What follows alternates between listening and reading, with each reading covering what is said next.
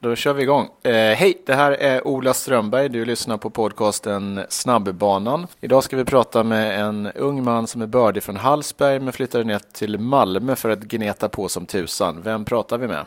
Eh, vi pratar med Hasse Nilsson. Hasse Nilsson ja, som har eh, massa SM-medaljer, framförallt på två 400 frisim, lagkapper, men är också som kanske inte så många vet svensk mästare, Sveriges första svenska mästare på 100 medley. Jajamensan. Ja, och har simmat EM och VM, eh, har nu kommit tillbaka ska man väl säga lite till simningen och jobbar för simförbundet. Vad gör du på simförbundet? Eh, på simförbundet så jobbar jag som eh, verksamhetsutvecklare och eh, verksamhetsutvecklare för öppet vatten, masters och hälsa och motion. Tre stora områden för att utveckla den verksamheten helt enkelt. Och hur ligger vi till i Sverige på de här olika delarna? Vad är vi bra på? Vad har vi jätteutvecklingspotential? Eh, generellt så tror jag att man, jag tror att det finns en hel del att göra på, på, på, på alla tre områden och, och framförallt kanske på, på hälso och motionsbiten som, som eh, där det inte har gjorts så mycket från eh, förbundets håll. Det har gjorts mycket i föreningarna men, men jag skulle nog säga hälso och motionsbiten, där är det otroligt stor potential. Mm. Och vad ska ni ge något exempel på vad man skulle kunna göra från förbundet där för att stödja den utvecklingen? Eh, vi håller, det finns en hel del projekt som vi håller på med några nu och det, det handlar mycket om att hitta kanske som strategier för, för vuxenverksamheten i föreningarna, hur man som eh, hur man liksom, en strategi för hur man tar hand om alla eh, som vill börja eh, simma fast de är vuxna och lära sig simma frisim eller crawl, så vad vi nu ska kalla det. Eh, men också så jobbar vi på en, en simlinje för vuxna som inte, det finns ingen simlinje för vuxna. Mm. Och det här som du nämnde då, att föreningen, hjälpa föreningen att ta hand om vuxna som vill börja simma och inte bara de som har varit simmare, för de är ganska lätt att ta hand om. Mm, mm, mm. eh, privata aktörer tar en ganska stor del av marknaden för vuxen simträning eller vuxen crawlskola om man ska kalla det. Är, är det bra eller dåligt? Jag tror att, för det första tror jag, jag tror inte det direkt någon det är nog inte den konkurrensen utan jag tror, det, jag tror man vänder sig till privata aktörer kanske på grund av anledning. Eh, precis som att jag kommer från eh, sista 25 åren i träningsbranschen att det här med personliga tränare, att det, det är en kategori som liksom vissa vill, vill ha. Och jag tror att man, man, det är nog lite samma där. För en del passar de privata aktörerna bättre och för en del så fungerar föreningsverksamheten allra bäst. Så att jag, tror, det, det, jag tror det är inte dåligt. Det, det är det inte.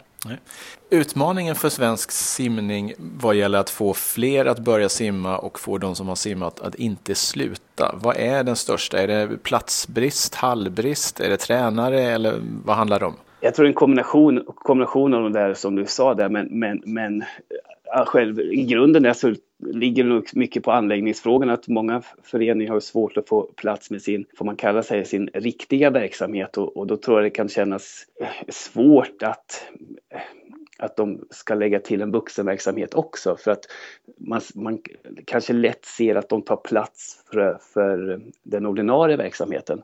Så jag tror att det handlar mycket om att, att man jobbar på att de vuxenverksamheten är en otrolig tillgång för föreningen och behöver inte alls eh, ta platser för den ordinarie verksamheten. Så att, eh, dels är det nog platsbrist men, men tittar man lite säkert hur man utnyttjar bassängerna så, så, så går det nog att utnyttja det på ett effektivare sätt. Så att jag tror att kan man hjälpa till att hitta lösningar på hur man kan integrera vuxenverksamheten så, så tror jag egentligen det, det bara, finns bara fördelar med att få det. Och det ser man lite på, på utvecklingen på vilka föreningar som Eh, starta vuxenverksamhet så det, det finns ett 150-160-tal som har en vuxenverksamhet idag så att, och där funkar den ju. Så att eh, jag tror att det, det, är, det är nog en kombination av lite olika saker som, som gör att man, får, att man kan få in den. Mm.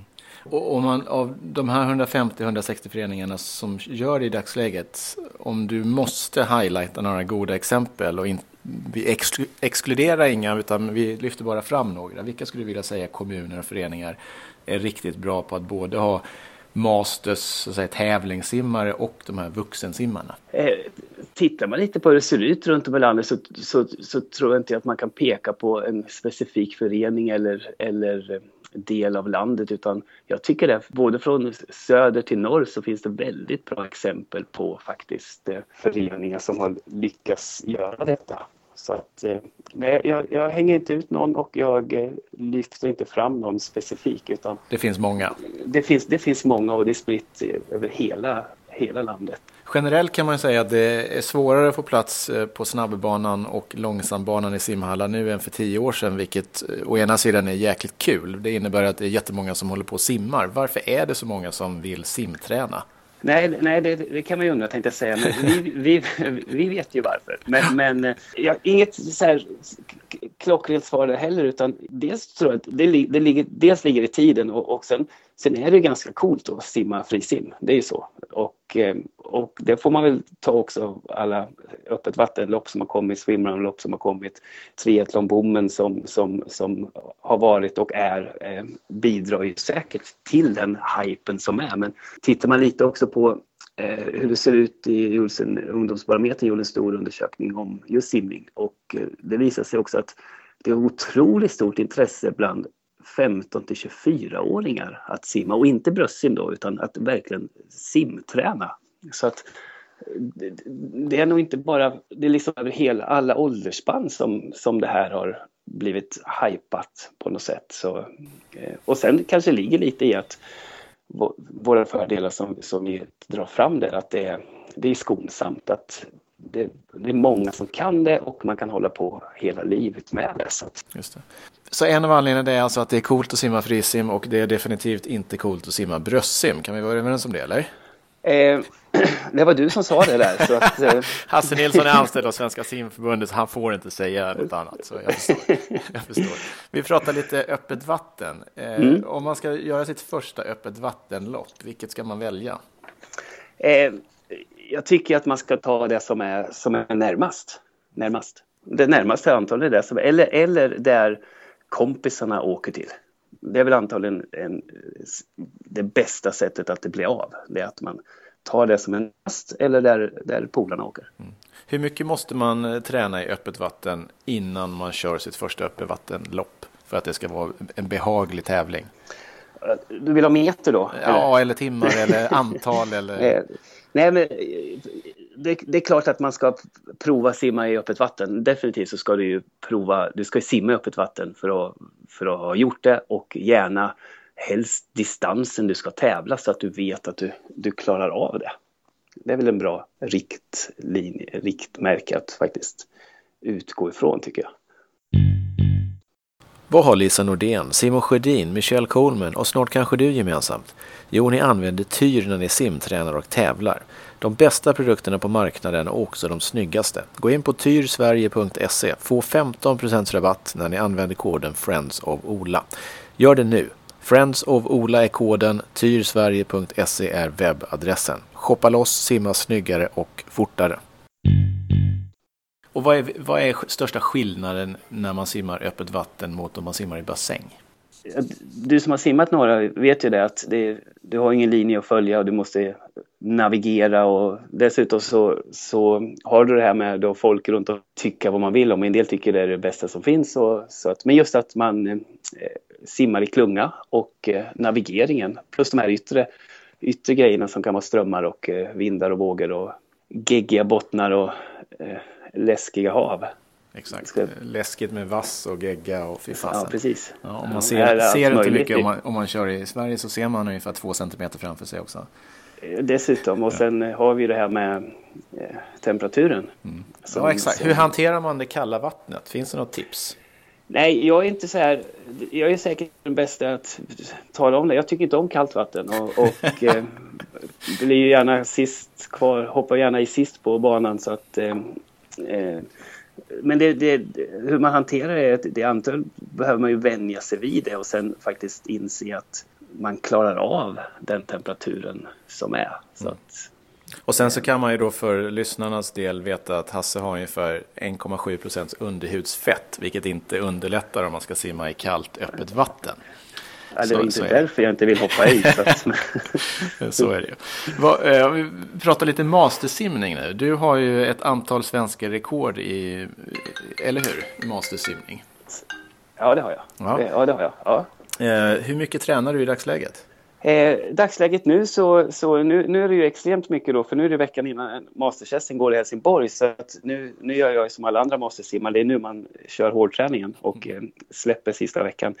Eh, nej, annars så, eh, vad ska jag säga, jag har inte så här varje vecka jag simmar så mycket utan jag passar på när jag kan helt enkelt. Så att, men vad kan det vara? Eh, ett par gånger i veckan, ett par tre gånger i veckan skulle jag nog, skulle jag nog ja men då, det, det är en ganska normal vecka. Mm. Har du någon favoritserie som du kör nu i vuxen ålder? I vuxen ålder? Ja, mm. det, det, har jag faktiskt. Eh, alla former av stegar. Allt, allt eh, som... Och anledningen till att jag gillar stegar det är för att det blir eh, kortare och kortare. 500, 400, 300, 200, 100. Så stegar, eh, det är min grej. Så inte en stege 1, 2, 3, 4, 5? Nej, det är fel håll. Det är fel håll, ja. Det är fel håll. har du någon värsta serie från när du var uh, ung och stark? Eh, värsta serie, ja det, ja, det finns, har, vi har ju, du och jag har ju till och med kört en hel del värsta serier men, men den som egentligen kommer tillbaka hela tiden är, och den gjordes ju ett antal gånger och jag vet att du har varit med också på dem, att serier som vi brukar köra i, i slutet av passen. Eh, och det var 10 gånger 50 10 gånger 50 start 40, eh, alla under 30. Om man inte klarar av dem då? Eh, då började man om tills man eh, klarade 10 stycken start 40, alla under 30. Eh, och det kunde bli några, men egentligen så, jag, jag försökte dra mig till minnes lite här. Jag tror inte det var någon gång vi inte klarade det. Och det var ju inte det att eh, alla var ju tvungna att klara. Det var ju inte att jag var tvungen att klara utan alla som simmar. Så att, men jag tror att alla klarade till slut. Sen kunde det bli ett 40 stycken i och för sig, men, men eh, den lever kvar. Den slipper du göra i vuxen ålder. Ja, då kör vi snarare start en minut, ligga ja. klara 50. Ja. Om man tittar tillbaks på den utvecklingen om man, träningsmässigt som ungdomar gör i dagsläget och jämfört med det som du körde. Hur skulle du, skulle du ha ändrat någonting på din träning baserat på det som du vet nu? Eh, Ja, ja, det, ja, det, ja, det är klart. Eh, men det tror jag att det, det svaret säger nog alla tror jag som har hållit på att skulle jag göra om det igen så skulle jag nog inte gjort likadant. Och, men, men eh, vi simmar ju extremt mycket meter. Det gjorde vi. Och jag tror tror fortfarande, eller det är kanske någon försvarsmekanism som, som slagit in, men jag tror inte vi simmar för mycket meter. Problemet kanske snarare var att vi simmar för mycket meter ofta. Så att, eh, eh och det hade ändrat. Det hade nog varit lite mer fart. Eller också är det så att man kanske skulle hålla på med öppet vatten 10 kilometer. För det var väl något sånt som vi tränade för. Men, men eh, eh, å andra sidan så vet man ju inte hur det hade gått eller man hade, vad man hade presterat om man inte hade gjort det. Så att, lika, lika långt ja, men inte lika ofta. Så ska jag nog säga. Ja, bra. Nej, jag tror att med den informationen man har så är det väl klart att alla skulle ha gjort någon liten del annorlunda. Annars vore det konstigt om inte utvecklingen, om det inte har hänt något på 25 år. Ja, ja. ja så är det ju. För egen del kan jag säga att jag har nog kört exakt samma. Den graden av liten talang så krävs det väldigt mycket tid i bassängen. Ja, och det, och det, men jag tror, jag tror mycket på det. Att vi, många, många som vi håller på där att vi blev bra för att vi körde jäkligt hårt liksom. Så att sen om det blev optimalt, det vet tusan. Men det får vi väl aldrig det vet svar på heller. Nej. Nej, nej. Och vad, om vi avslutningsvis, vad är ditt tips till någon som känner sig lite, ja jag skulle gärna testa simning men hur går jag tillväga? Hur, hur ska man börja? Eh, ja, det, det, är bra att ha någonstans att vara i vatten på något sätt. Så något, antingen då som vi var inne på att antingen så prata med eh, eh någon förening i närmsta förening eh, eller om det finns någon privat aktör som, som, som kan faktiskt ge för att simning är ju hur man än vrider och vänder på det så är det ju att det är tekniksport liksom. Man måste lära sig simma så att det, och det ser man lite att vilken stor och stark kille och tjej som helst eh, de får ju stryk av nioåriga tjejer liksom. Och det handlar inte om styrka utan någon där man kan få hjälp med teknik och lära sig de här grundläggande med, med andningen och få ordning på benen och armbågarna och så vidare. Så att, eh, ta kontakt med en förening eller en privat aktör, helst eh, nära där du bor. Ja. Och har du något tips på vem jag ska intervjua i den här podcasten som handlar om simning? Ja, eh, jag, det, eh, det hade ju varit kul att, eh, om man hade fått tag i någon som, precis som jag beskrev, så här, precis, har precis börjat simma och fråga liksom, vad, vad, vad är hypen? Och vi kanske kan få svaren där. Eh, på helt enkelt någon, någon ny i sim, simvärlden. Ja, bra, den sätter vi upp på listan. När får man se Hasse Nilsson i ett swimrun? Eh, ja, det, jag trodde det skulle komma. Du, trodde, du, brukar, ja. du brukar ha lite frågor här. Någon fråga jag inte har svarat, frågat än. Och, och, en fråga var ju att när jag skulle få fråga när du och jag skulle göra det. Så, men, ja. men, nej, men det är inte helt omöjligt. Ganska snart. Eh, det kan hända faktiskt. Eh, tidigare än du tror. Bra. Var det en annan fråga som jag har missat? Eh, nej, det, nej jag, tycker det var, jag tycker det var bra, Ola. Hasse Nilsson, tack så jättemycket. Tack så mycket själv. Här på podcasten Snabbbanan så rekommenderar vi dig att träna simning. Det gäller att följa simreglerna. Vilka är då de? Jo, de hittar du på Facebook. Sök på simregler. Då får du alla tips på hur du ska klara dig utan att någon blir förbannad på dig. Du bör även simma i schyssta prylar och ha den rätta utrustningen, eller hur? Du hittar den rätta utrustningen på tyrsverige.se. Då har du de snyggaste och snabbaste baddräkterna, badbyxorna från Tyr, precis som Michelle Coleman och Simon Sjödin har, och även Lisa Nordén. Tyrsverige.se, gå in där och få 15% rabatt om du använder koden Friends of Ola. Simma hårt, syns vi nästa vecka, hej!